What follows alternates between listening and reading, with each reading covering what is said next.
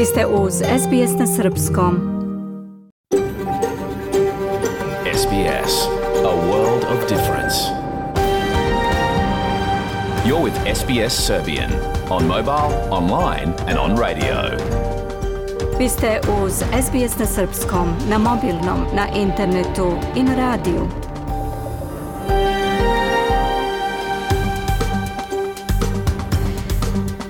SBS odaje priznanje tradicionalnim vlasnicima zemlje sa koje danas emitujemo program na srpskom. Ovim izražavamo poštovanje prema narodu Ranger i Vojvorung, pripadnicima nacije Kulin i njihovim prošlim i sadašnjim starešinama. Također odajemo priznanje tradicionalnim vlasnicima zemlje iz svih aboriđinskih naroda i naroda sa ostrva iz Toresovog Moreuza, sa čije zemlje slušate program. Dobar dan! Danas je utorak 28. posljednji dan februara 2023. Ja sam Biljana Ristić. U današnjem programu posle pregleda vesti reći ćemo više o novoj inicijativi Australijske federalne policije usmjerenoj ka jezički i kulturno raznolikim zajednicama, a u cilju suzbijanja stranog političkog mešanja u Australiji. Od sredine ove godine akademcima iz drugih zemalja bit će odobreno da rade duže radno vreme nego do sada i također po završetku studija moći će da ostanu i rade u Australiji najmanje četiri godine. Više detalja i o tome. Mija Nikolić donosi interesantnu priču o krijumčarskim grupama koji kontrolišu kretanje izbeglica u pograničnom području Srbije. Jedna od tih grupa ima čak i svog kralja. To su neke od tema danas. Ostanite sa nama do 16 časova. Sledi pregled vesti.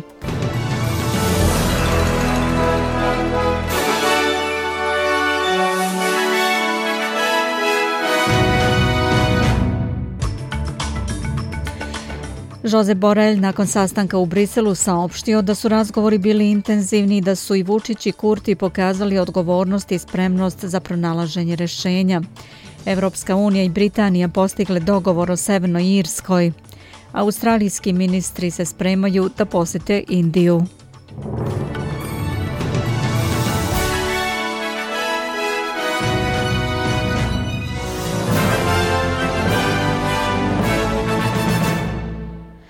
Australijski ministri se spremaju da otputuju u Indiju na seriju razgovora o trgovinskim i obrazovnim inicijativama, uključujući pravila za međusobno priznavanje univerzitetskih kvalifikacija.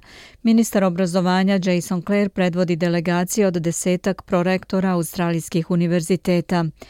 Indija je drugi, najveći i najbrže rastući izvor međunarodnih studenta u Australiji sa skoro 130.000 upisanih na australijske univerzitete od decembra 2022. Doprinos privredi sa oko 6,1 milijardi dolara pre pandemije COVID-19. Očekuje se da će se premijer Antoni Albanizi sljedeće nedelje pridružiti gospodinu Clare u Indiju sa poslovnom delegacijom. Penny Wong također putuje u Indiju kao ministarka spoljnih poslova kako bi se sastala sa kolegama iz grupe 20 i prisustovala sastanku Racing Dialogue. Federalni sud je presudio da će dve starosedelačke grupe deliti pravo na vlasništvo nad zemljom, odnosno native title, na ostrvima Waral i Ului u Torresovom Moreuzu.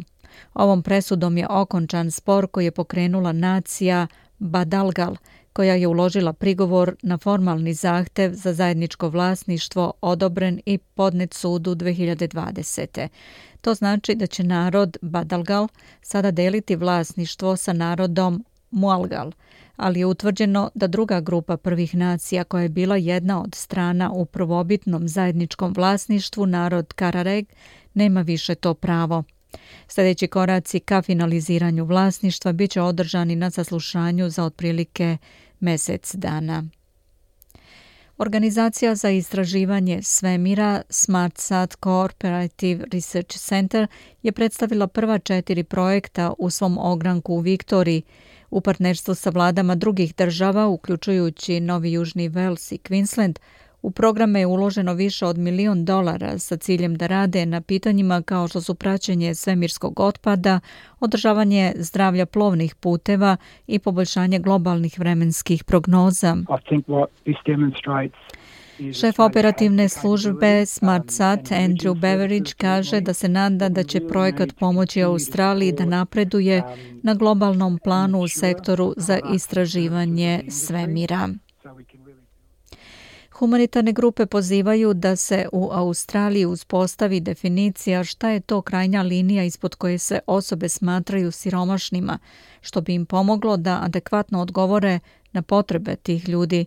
Grupe kao što je na primjer United Care Australia iznele su pred parlamentarnim odborom koji ispituje prirodu i obim siromaštva u Australiji da su zabeležile povećanje od 50 od 100 kada je u pitanju potražnja pomoći u oblasti tretiranja mentalnog zdravlja i bolesti zavisnosti, uključujući usluge podrške. Obraćajući se istrazi generalna direktorka organizacije Vinunga Nimitidža za zdravstvene i društvene usluge aboriđinima u predstavničkoj teritoriji Julie Tongs kaže da je situacija ravna krizi. And I'm really concerned of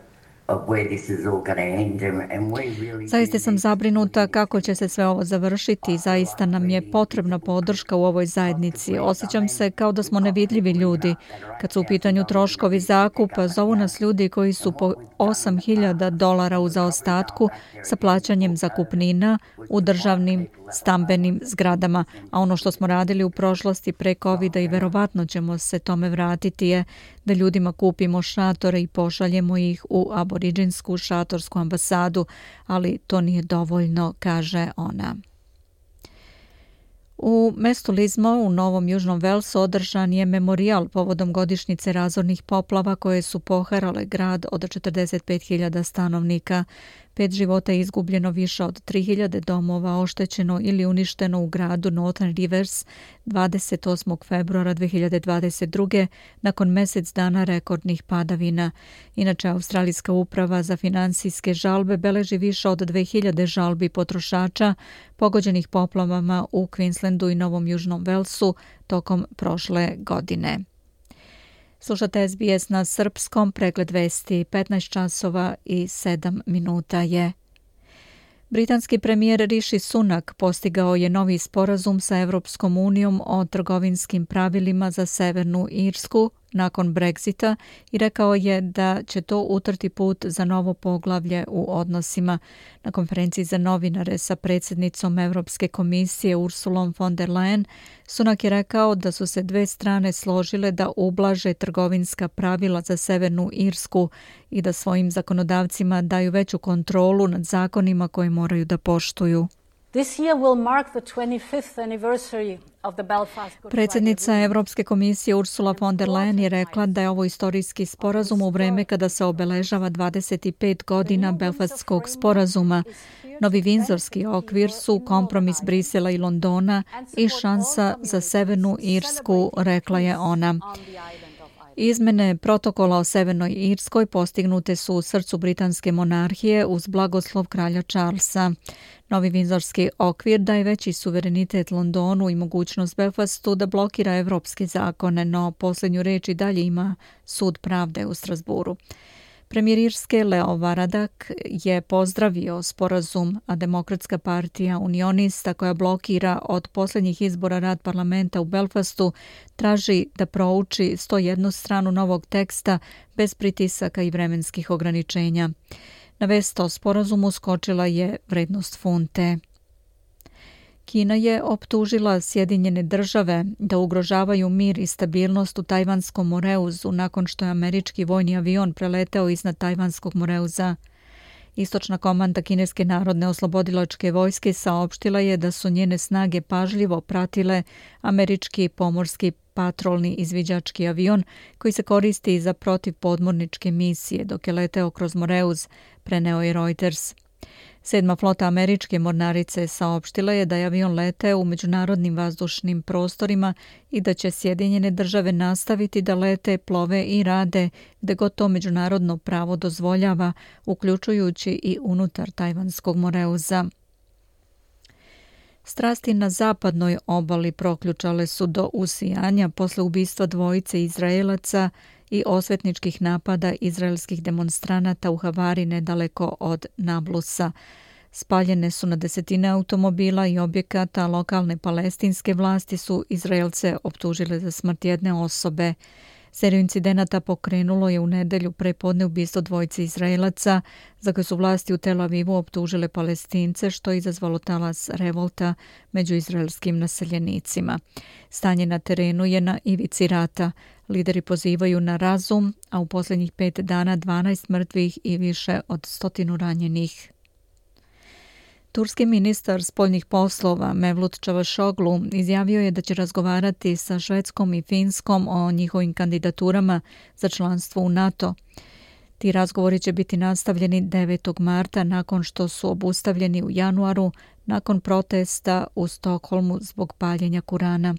Čavašoglu je rekao da Švedska još ne ispunjava svoje obaveze prema memorandumu potpisanom na samitu NATO u Madridu prošlog juna, iako su generalni sekretar NATO i drugi saveznici rekli da je Stockholm promenio svoje zakonodavstvo.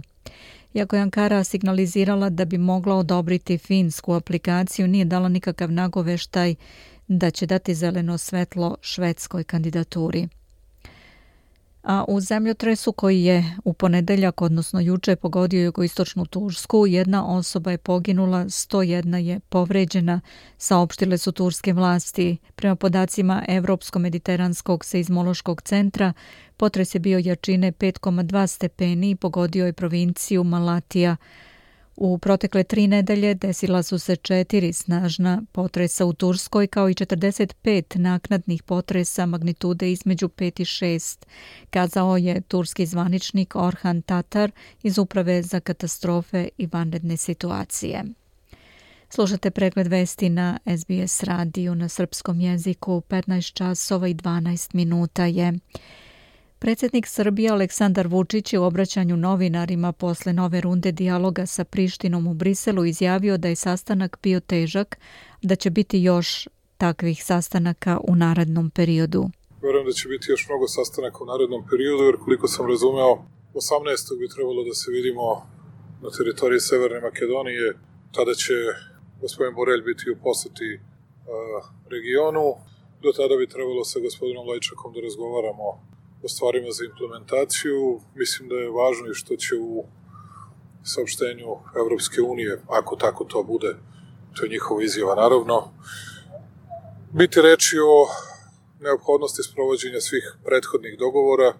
Ja sam razume se insistirao na zajednici srpskih opština i to se podrazumeva, mislim i evropski predstavnici.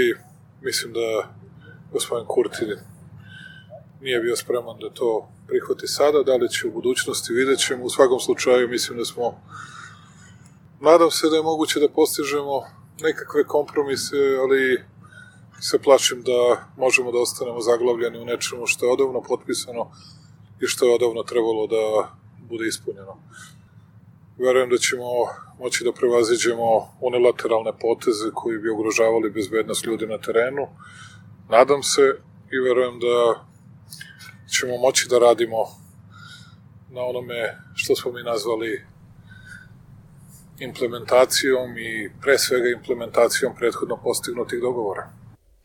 Predsjednik Vučić je naglasio da postoje 22 potpisana principa koji su od presudnog značaja za srpski narod.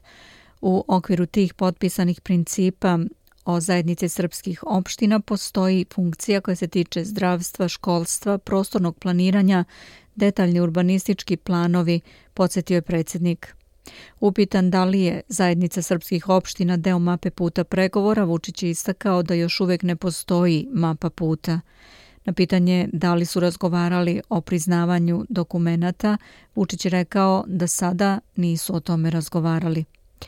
Albin Kurtin je na konferenciji za novinare posle trojnog sastanka kome su pored njega i Vučića prisustovali šef diplomatije Evropske unije Žoze Borelj i specijalni izaslanik Evropske unije za dijalog Beograda i Prištine Miroslav Lajčak, rekao da je šteta što razgovori nisu završili potpisivanjem sporazuma, prenosi reporteri. Kako je rekao da je potpisan, to ne bi bio prvi tekst koji su potpisali predstavnici Beograda i Prištine. Kako prenosi Koha, Kurt je rekao, verujem da smo na dobrom i jednostmenom putu normalizacije odnosa Beograda i Prištine. Bilo bi dobro da evropski plan kako je naveo pročita što više građana i stručnjaka za međunarodne i pravne odnose i da se o tome povede demokratska javna rasprava, dodaje Koha. Jose Borelj je nakon sastanka rekao da su razgovori bili intenzivni i da su i Vučić i Kurti pokazali odgovornost i spremnost za pronalaženje rešenja, da su se složili da dalji razgovori o tekstu predloga Evropske unije za normalizaciju odnosa Beograda i Prištine nisu potrebni, prenosi Radio Televizija Srbije. To je važan dokument jer se tiče smirivanja krize na Kosovu.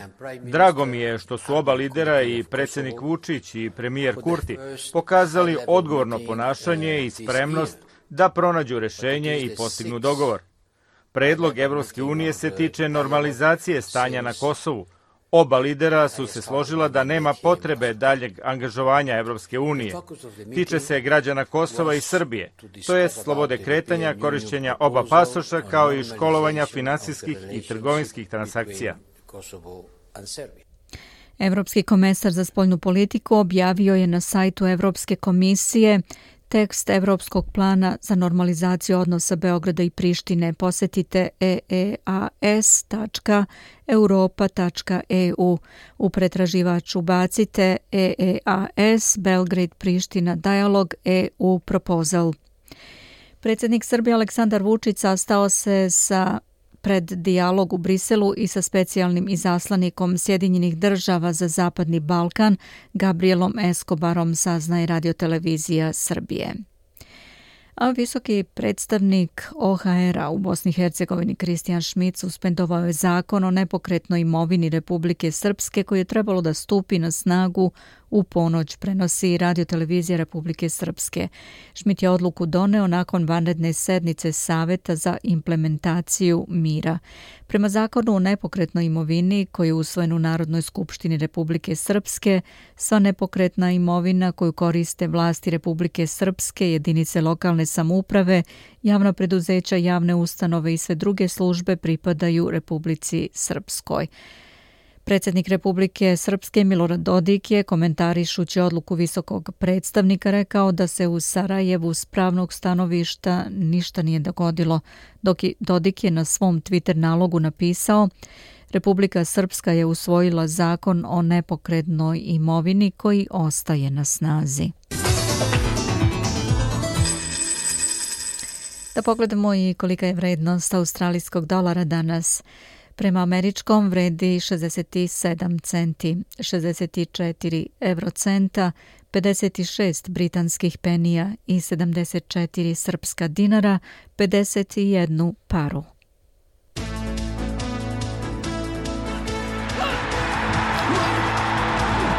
Najznačajnije vesti iz sporta pripremio je Branko Cvetojević da čujemo.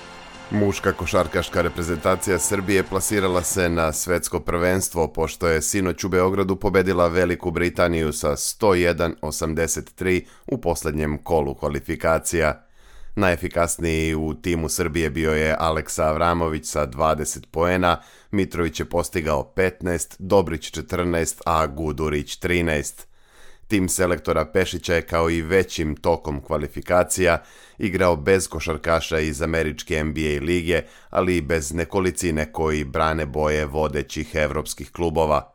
I pored poteškoća tokom takmičenja, Srbija je na kraju zauzela drugo mesto u grupi I iza Letonije, dok se na Mundo Basket plasirala i treće plasirana Grčka – Na svetskom prvenstvu će učestvovati i selekcija Australije, koja je plasman obezbedila ranije kroz azijske kvalifikacije. Šampionat sveta se održava krajem avgusta i početkom septembra na Filipinima, u Indoneziji i Japanu. Kapiten reprezentacije Argentine i igrač Paris Saint-Germaina Leo Messi proglašen je za najboljeg futbalera sveta u izboru FIFA – Na svečanosti u organizaciji Međunarodne futbalske federacije Messi je dobio priznanje u konkurenciji dvojice Francuza Karima Benzeme i Kilijana Mbapea. Za najboljeg golmana sveta proglašen je također Argentinac Emiliano Martinez, dok je trener godine selektor argentinske reprezentacije Lionel Scaloni. Kod dama za najbolju futbalerku sveta po drugi put zaredom izabrana je reprezentativka Španije Alexia Putellas. A Gordan Petrić više nije trener futbalera Partizana. Informaciju je potvrdila uprava kluba nakon što su crno-beli sinoć odigrali nerešeno 1-1 sa ekipom Radničkog iz Kragujevca. Prethodno je Petrić posle eliminacije iz Evrope od šerifa najavio da će otići iz kluba sredinom marta tokom reprezentativne pauze u prvenstvu. Međutim, još jedan loš rezultat ubrzao je njegovu odluku, pa će ekipu od danas preuzeti Igor Duljaj. Nekadašnji futbaler Partizana i reprezentativac praktično je prekomandovan iz Partizanove filijale Teleoptika koji je trenirao od prošle godine. Duljaj će debitovati na klupi Partizana već u petak u utakmici protiv Crvene zvezde. I na kraju ovog bloka da pogledamo i vremensku prognozu do kraja dana. U Pertu sunčano vreme 36 stepeni. Oblačno je u Adelaidu sa 20, u Melbourneu također 20, u Hobartu 18 i u Kamberi je oblačno sa 29. Sidney također oblačno vreme 27. Sunčano je u Brisbaneu sa 28, u Darwinu kiša sa vetrom i grmljavinom 28. Upozorenje na poplave u području Riverini. Beograd oblačno sa snežnim padavinama tokom dana do 5 stepeni. Čuli ste pregled vesti na srpskom jeziku na SBS radiju za sve najnovije. Posjetite sbs.com.au kosacrta news.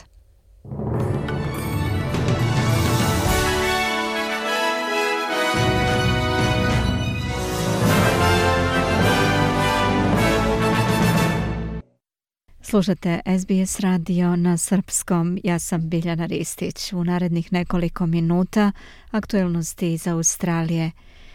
Multikulturalne zajednice se sada smatraju prvom linijom odbrane od uplitanja stranih vlada u politički život Australije.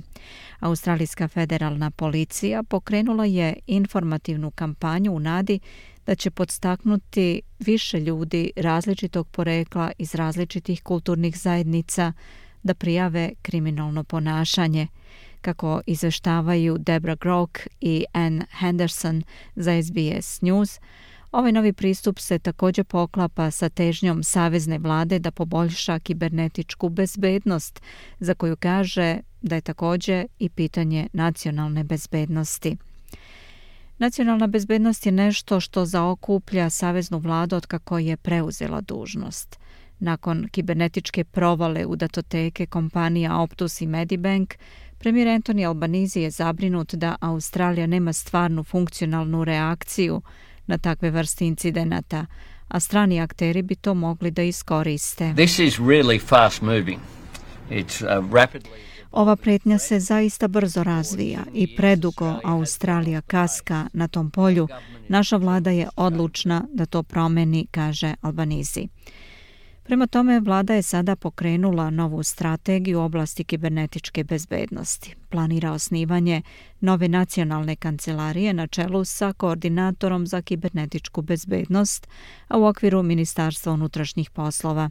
Ministarka unutrašnjih poslova i također za kibernetičku bezbednost Claire O'Neill kaže da će Australijska direkcija odgovorna za obaveštajne poslove stranog signaliranja, podršku vojnim operacijama, kibernetičko ratovanje i bezbednost informacija također imati više ovlašćenja da interveniše u svim budućim kršenjima zakona.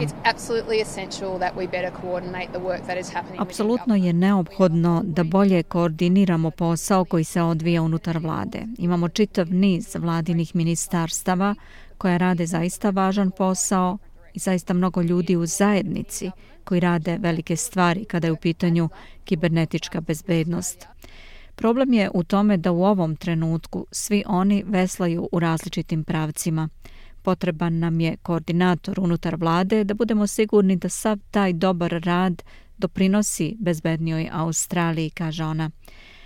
Ali nije samo hakovanje stranih aktera ono što zabrinjava vladu. Također je zabrinuta zbog stranog političkog mešanja. Komesarka Federalne policije Australije Kristi Barrett kaže da je to kriminal koji može imati različite oblike. The way we see foreign interference play out is usually uh, threats and intimidation.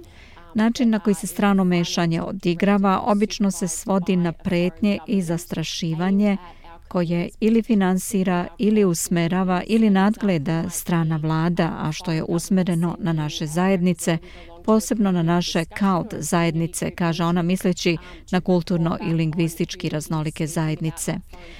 Primer može biti da strana vlada šalje predstavnika na diskusiju u zajednici ili na sastanak grupe kako bi izvestili o tome ko govori o toj stranoj vladi na tim sastancima. To onda može da se svede na pretnje, bilo lične ili preko telefona zbog komentara koje su određeni članovi zajednice možda izrekli o stranoj vladi ili njenoj politici.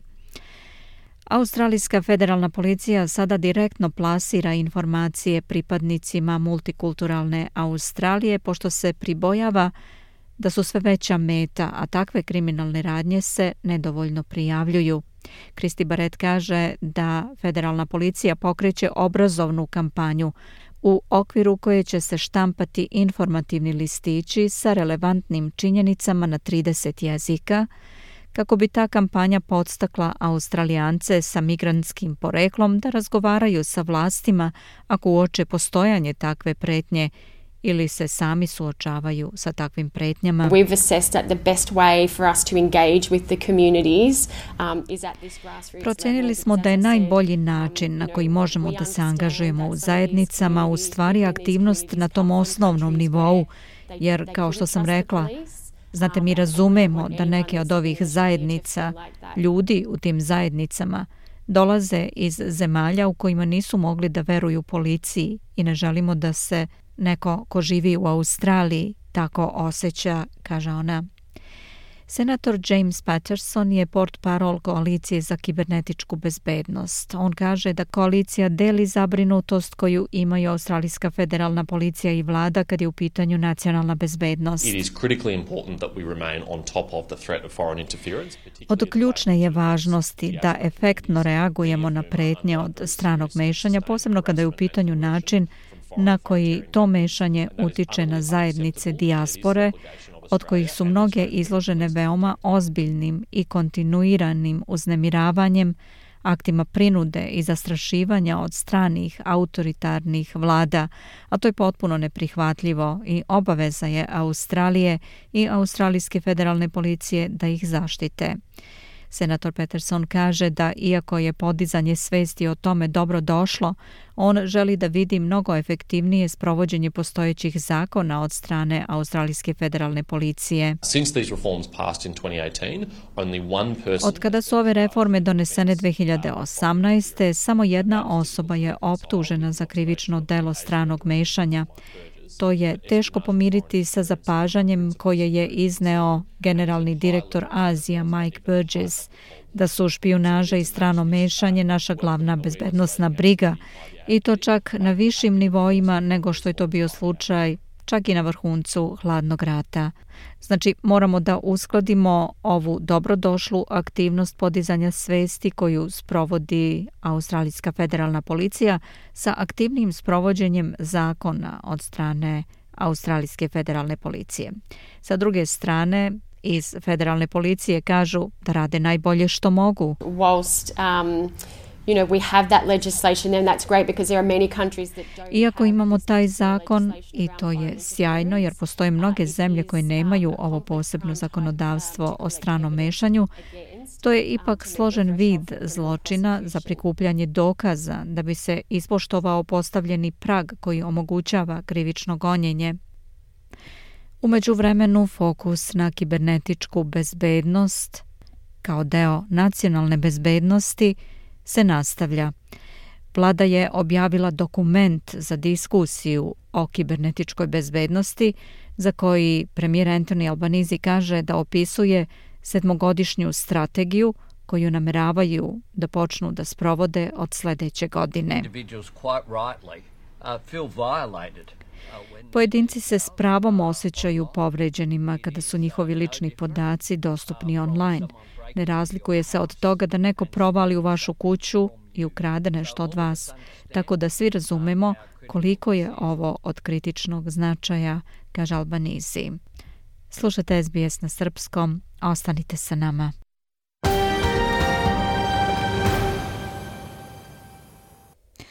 Petnaest časova 33 minuta je. Ostanite sa nama do, do 16 časova.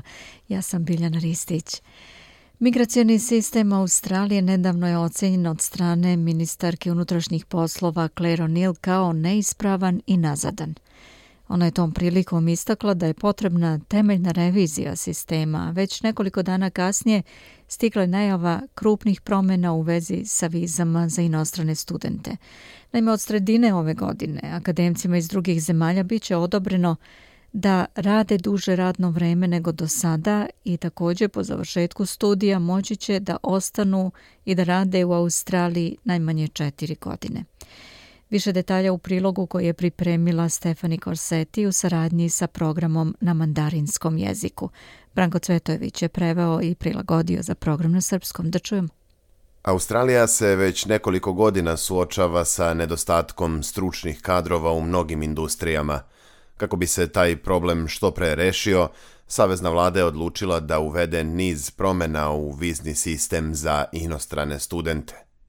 Počevši od 1. jula ove godine, strani studenti koji su stekli diplomu u nekoj od australijskih obrazovnih institucija moći će da se prijave za radnu vizu za svršene studente u trajanju od čak četiri godine. To je dvostruko duže nego što je do sada trajala ova viza, poznata kao post-study viza pod klasa 485. Ovo se odnosi i na sve strane studente koji su završili fakultet, odnosno bachelor, kao i za one sa diplomom master studija.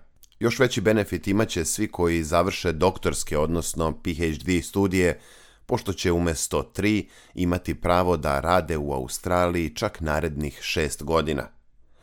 Također za studente koji su stekli zvanje mastera dostupna je takozvana produžena post-study viza na pet godina – ona će važiti za one koji su završili master studije u nekoj od struka koje se nalaze na listi traženih zanimanja u Australiji. Trenutno su to medicina, psihologija, optometrija, inženjerstvo, informacione i komunikacione tehnologije i obrazovanje. Migracioni agent Kirk Jan kaže da je od izuzetnog značaja da se popune praznine koje postoje u mnogim oblastima i profesijama u Australiji. Međutim, on također kaže da bi deo studenata koji ostaju da rade ovde mogao da se okrene i ka drugim zanimanjima koja su traženija na tržištu.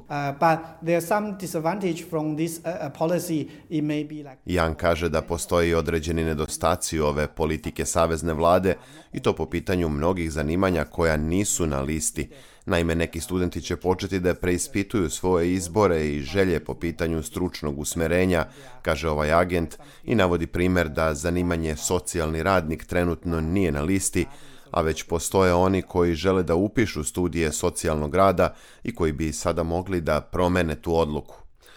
Iako smatra da će novi plan viznog sistema omogućiti stranim studentima veću sigurnost po pitanju njihove budućnosti i ostanka u Australiji, Jan poziva vladu da pokaže veću transparentnost po pitanju određivanja profesija koje će biti uključene na listu traženih.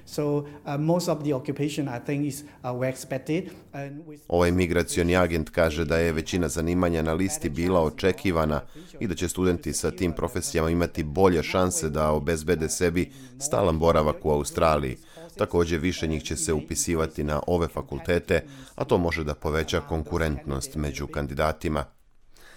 Ministarka unutrašnjih poslova Australije Claire O'Neill kaže da je ova promjena u viznom sistemu za studente učinjena kako bi se pre svega pomoglo u rešavanju problema nedostatka stručnih kadrova u određenim sektorima. Kao što smo već rekli, to je pre svega u domenima zdravstva, inženjeringa, IT sektora i obrazovanja. Ona je dodala i da će Savezna vlada svake godine po potrebi ažurirati listu traženih profesija kako bi na adekvatan način odgovorila zahtevima i potrebama tržišta rada. Međutim, mogućnost dužeg boravka i rada u Australiji nije jedini benefit koji će biti omogućen stranim studentima od 1. jula ove godine. Naime, Svi koji studiraju moći će da rade 48 sati na dvonedeljnom nivou, dok je prethodno ograničenje iznosilo 40 radnih sati. Umeđu vremenu je zbog covid i drastičnog nedostatka radne snage ovaj limit bio potpuno ukinut, pa su tokom tih 18 meseci studenti mogli da rade koliko god su želeli. Sada se ograničenje vraća, ali je ubedljivo najveće u istoriji viznog sistema Australije. Bivši student Colin, koji nije želeo da otkriva svoje prezime, rekao je za program SBS radija na mandarinskom jeziku da je ova promena izuzetno dobra. Mnogi vide Australiju kao idealnu migracijonu destinaciju i pre nego što dođu na studije. Zato je izbor prave profesije za diplomiranje neophodan faktor u procesu, a novi uslovi viza čine inostrane studente konkurentnijim pri zapošljavanju. To je veliki podsticaj za konkurentnost jer je radna viza sada duža, pa su i poslodavci spremni da zaposle i obučavaju strane studente koji će opet imati dovoljno vremena da postanu kvalifikovani radnici i da donesu dobre rezultate firmi za koju rade, kaže Colin. Takođe, posebne benefite imaće i oni koji se odluče da studiraju, žive i rade u regionalnim i manje naseljenim oblastima širom Australije, piše Stefani Korseti za SBS. Ja sam Branko Cvetojević. Slušajte SBS na srpskom, na mobilnom, na internetu i na radiju. Slušate SBS radio na srpskom. Ostanite sa nama, ja sam Biljana Ristić. Sledi tema iz Srbije. Izbjeglice i migranti sa Bliskog istoka u nemogućnosti da iz Srbije pređu granicu ka zemljama Evropske unije prinuđene su da se obrate krijumčarskim grupama koje kontrolišu pogranično područje, a jedna od tih grupa ima čak, verovali ili ne, svog kralja. Koliko takvih krijumčarskih grupa ima na teritoriji Srbije, kako organizuju prebacivanje izbjeglica, šta vlast i policija preduzimaju, o svemu tome u razgovoru sa Mijom Nikolić. Mija, dobar dan. Prvo nam objasnite detaljnije kako je došlo do razvijanja moćnog kriminalnog podzemlja koje trguje ljudima na području regiona. U posljednjih godinu i po dve za migrante i izbeglice sa Bliskog istoka postalo je nemoguće da granicu pređu sami, bez pomoći neke od krijumčarskih bandi. Kako se razvijala migrantska kriza, razvijala se i žileta žica na granicama evropskih zemalja, koje su time nezvanično, ali jasno rekle da ne žele izbeglice. Paralelno razvijalo se i veoma moćno kriminalno podzemlje, krijumčarske grupe koje za nekoliko hiljada evra nude prelaz preko granice izbeglim ljudima u potrazi za boljim životom. Krijumčarska mreža u Srbiji širila se toliko da je na teritoriji Vojvodine nastala kraljevina, nazvana po jednom od vodećih krijumčara. Ta kraljevina ima čak i svoj grb i svoj pečat i svoje dvorske umetnike, koji hvale i slave svoga kralja Muhameda Tetuanija. A Mija, ko je Muhamed Tetuani? Muhamed iz grada Tetuan, mediteranske luke na severu Maroko, šef je jedne od krijumčarskih bandi na severu Srbije, čije je Haraba, to jest kamp njegove samoproklamovane kraljevine, ispražnjen tokom poslednje policijske racije krajem 2022. Da. A koliko je dugo to trajalo pre nego što je policija reagovala? Kako je funkcionisalo to takozvano kraljevstvo kada se radi o trgovini ljudima? Kako je to rađeno? Duže od dve godine to mesto koje se nalazi na napuštenom poljoprivrednom gazdinstvu, ograđenom bodljikavom žicom, bilo je privremeni dom hiljadama izbeglica sa Bliskog istoka i Severne Afrike, odakle su čekali priliku da pređu granicu manje od kilometar udaljenu od takozvane kraljevine Horgoš. Na tom imanju bilo je na desetine šatora u kojima je boravilo i po nekoliko stotina ljudi u istom trenutku. Izdavala je lažna država i lažne pasoše. Na hiljade njih u Muhamedovoj harabi čekalo je svoje kupce za dokumenta koja će im biti potrebna tek kada se dokopaju Evrope do koje će ih ilegalno dovesti krijumčarska mreža Muhameda Tetuanija za ogromne novce. Po rečima Magbula izbeglice iz Sirije, ljudi koji plate 3000 evra provodili su na tom imanju dan, dva, tri, dok bosovi ne pripreme sve i onda ih šefovi šalju na granicu. Ko nema novca, nema šanse, istakao i on. Jedan Sirijac je naveo da bosovi imaju svoje podređene, mlade ljude od 18 do 20 godina, koje ulaze čak i u zvanične državne izbegličke kampove. Bosovi imaju veze, ne znam tačno s kim, ali svaki šef, patron, on ima način kako da pređe, tvrdi jedan migrant govoreći o duploj ogradi od žice, visine od 5 metara, između koje patrolira mađarska policija. Mija, kažete da su operacije šverca ljudima trajale više od dve godine. Međutim, informacije o tome su isplivale u javnost tek nedavno, je li tako? O dešavanjima u Horgošu srpska javnost je prvi put e, uglavnom saznala krajem novembra prošle godine nakon pucnjave dve grupe migranata, kad je šest osoba završilo u bolnici, a policija pronašla više od hiljadu izbeglica koji su prebačeni u državne prihvatne centre. Tad se otvorilo pitanje odakle migrantima oružje, kako je moguće da se na taj način slobodno kreću po Srbiji i šta je konkretno do sad urađeno kako bi se sprečile situacije poput pucnjave koje su se dešavale prethodnih meseci. Pa ima li odgovora na to? Advokat i saradnik Beogradskog centra za ljudska prava Marko Štambuk je tada izjavio da su u celoj toj situaciji propust napravile nadležne službe. Ocenio je da država očigledno ne čini dovoljno da se obračuna sa krijumčarskim grupama, jer je za to potrebna kontinuirana borba, a ne ad hoc akcije. Vuk Vučković iz centra Klik Aktiv je tada upozorio da se takvim sukobima krijumčarskih grupa šalje jedna pogrešna slika o migrantima. Šalje se loša slika zbog toga što su se oružano sukobile kriminalne grupe, a ne grupe izbeglica, koje su zapravo ugrožene i o čijim životima treba da se povede više računa. Ali da, stigma postoji i naši ljudi uopšte ne razlikuju izbeglice i krijumčare, svakoga gledaju kao potencijalnog razbojnika, iako mi koji redovno odlazimo, posećujemo i kontinuirano kontaktiramo sa migrantima, znamo da su oni izuzetno gostoljubivi i dobri ljudi, kazao je Vučković. Mija, na kraju, da li se zna koliki je broj kriminalnih grupa koje se bave krijumčarenjem ljudima, koliko od njih uzimaju, kako su organizovani? Višestruko nagrađivana novinarka Ksenija Pavkova, autorka dokumentarnog filma u mreži, kaže da je teško utvrditi tačan broj kriminalnih grupa koje se bave krijumčarenjem izbeglica, ali da podaci sa terena pokazuju da je duž čitave severne granice Srbije raspoređeno više od 25 takvih bandi, dok samo na Horgošu ima četiri neformalna kampa koje kontrolišu krijumčari. Ona se u svom dokumentarnom filmu bavila pitanjem da li te krijumčarske grupe imaju podršku u Srbiji, kako su nevidljive za našu policiju i da li je država prećutno dopustila njihovo postojanje.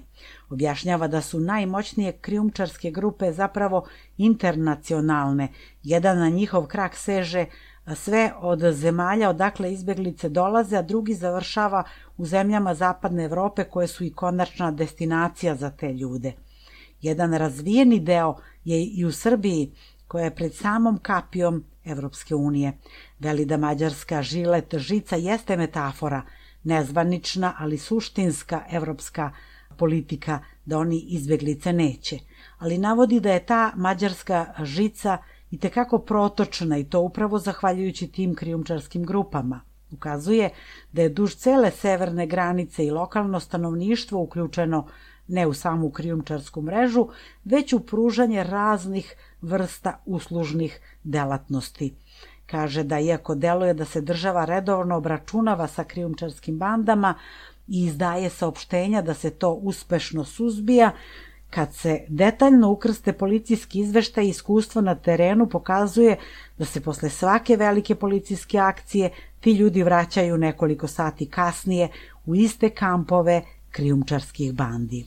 U Horgošu, koji ima tek 5000 stanovnika, već godinama boravi do nekoliko hiljada izbeglica u neformalnim kampovima, u nekakvim ruinama, napuštenim fabrikama, na perifernim salašima ili duboko u šumama.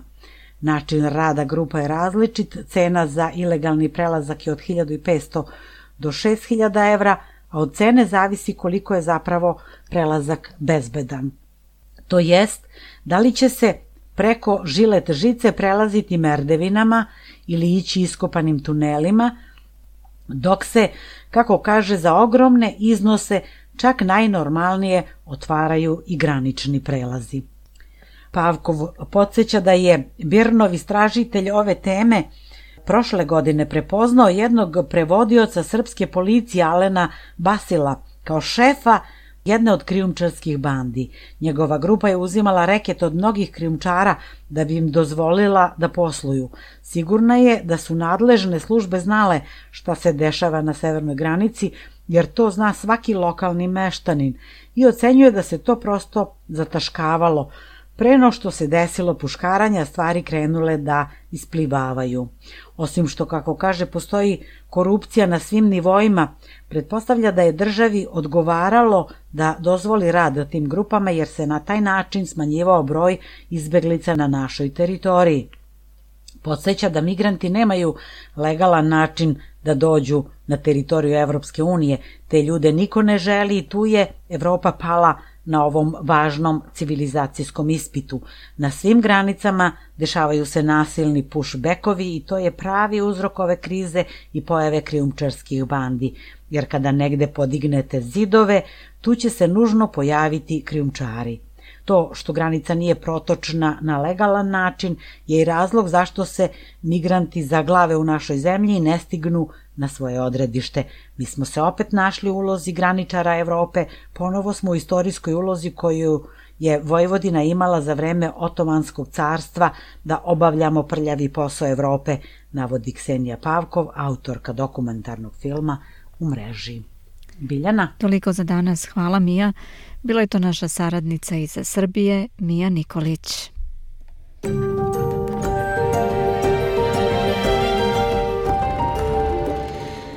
A pre nego što poslušamo još jedan blok reklamnih poruka, vest koja je upravo stigla je da Sjedine države su odobrile potencijalni dogovor o prodaji naprednih vođenih projektila Australiji. Vlada je zatražila da kupi do 63 vođene rakete dugog dometa i do 20 za obuku u vazduhu, kao i lažne rakete za obuku i podršku. Ove rakete su dizajnirane da unište neprijateljske sisteme protiv vazdušne odbrane i radare u cilju zaštite australijskih aviona. Prodajni ugovor bi bio vredan do 3 četvrtine milijarde dolara.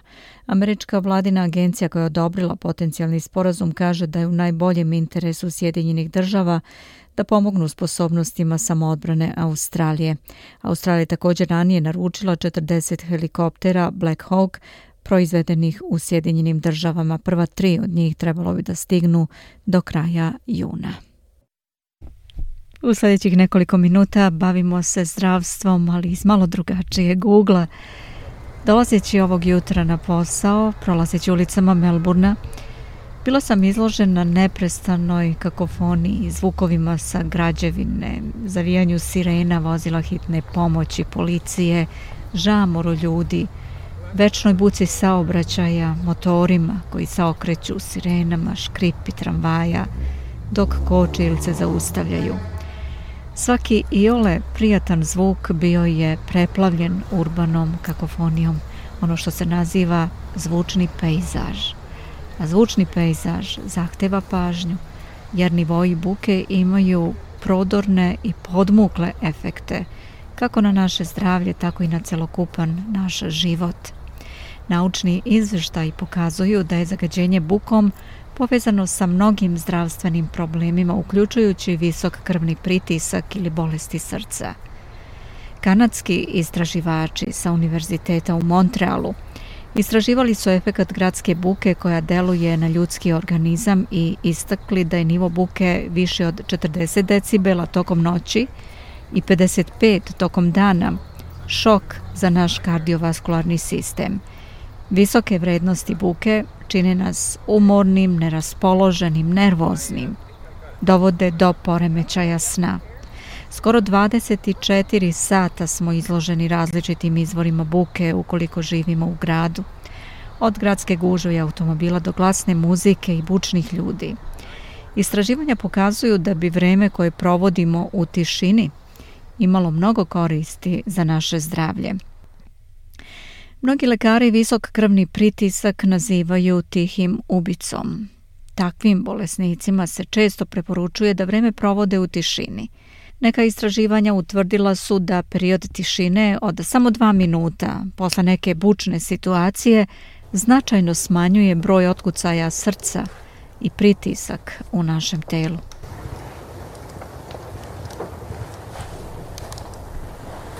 Verovatno se sećate, obično se ispiti na fakultetima, pismeni zadaci i testovi u školama rade u tišini, jer nam ona pomaže da se koncentrišemo i fokusiramo.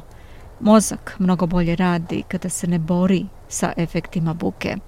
Nesređene misli ili trkačke misli, kako kažu naučnici, su obeležje anksioznosti. Navika i učenje da budemo tihi pomaže nam da se suzdržimo od bespotrebnog trošenja energije. Mentalna tišina je kapija svesnosti i korisna je kod osoba koje pate od anksioznosti, istakao je dr. Blair, koji je bio vođa istraživačkog tima na univerzitetu u Montrealu. Utišavanje našeg uma vodi ka zdravijem mozgu, kaže on. Mentalni fenomen preplavljenosti bukom na skupu, koncertu, dečijem rođendanu koji mnogi dožive ima fiziološku osnovu. Ta količina buke podiže nivo stresa, kortizola. Velika količina buke koja se akumulira u našem organizmu može da dovede do mentalnog stresa i prekomernog oslobađanja kortizola. Kada on postane visok, može da dođe do povećanja telesne težine, hroničnih bolesti, nesanice, istakao je klinički psiholog dr. Martin Prunti. Tišina podstiče i kreativnost, naročito kada vreme provodimo u prirodi i u tišini. Da bismo imali miran i kvalitetan san, potrebno nam je mirno okruženje. Stres nastaje kada nas poremeti buka koja dolazi iz spoljnih izvora. Tišina kod čoveka stvara osjećaj mira, a smirenost stimuliše rast mozga i ublažava napetost. Sve ovo može da stvori osjećaj blagostanja, jer su ljudi tada opušteniji, pa je i kvalitet sna bolji, istakao je dr. Prunti, istraživač sa Univerziteta u Montrealu. A ako ne možete da nađete tiho mesto, uvek postoje zapisi zvukova iz prirode. Sljedeća emisija na srpskom je u 15 časova u četvrtak. Pridružite nam se, također možete nas slušati po pozivu ili online uživo na našoj web stranici sbs.com.au kosacrta srbijen.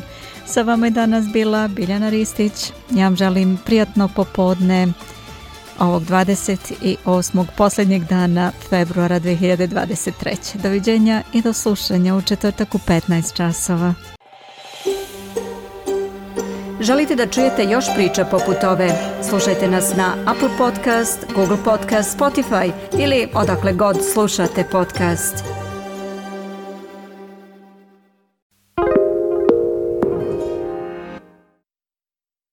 SBS is Australia's most trusted multilingual broadcaster. Our listeners are loyal, highly engaged, and have supported countless local businesses. We offer advertising packages for businesses of all sizes. Our experienced sales team will guide you through the process of owning a great campaign. Bring your own ad or have our production team make you something in one of our 68 languages. Start the conversation with your new audience today. Email sales at sbs.com.au.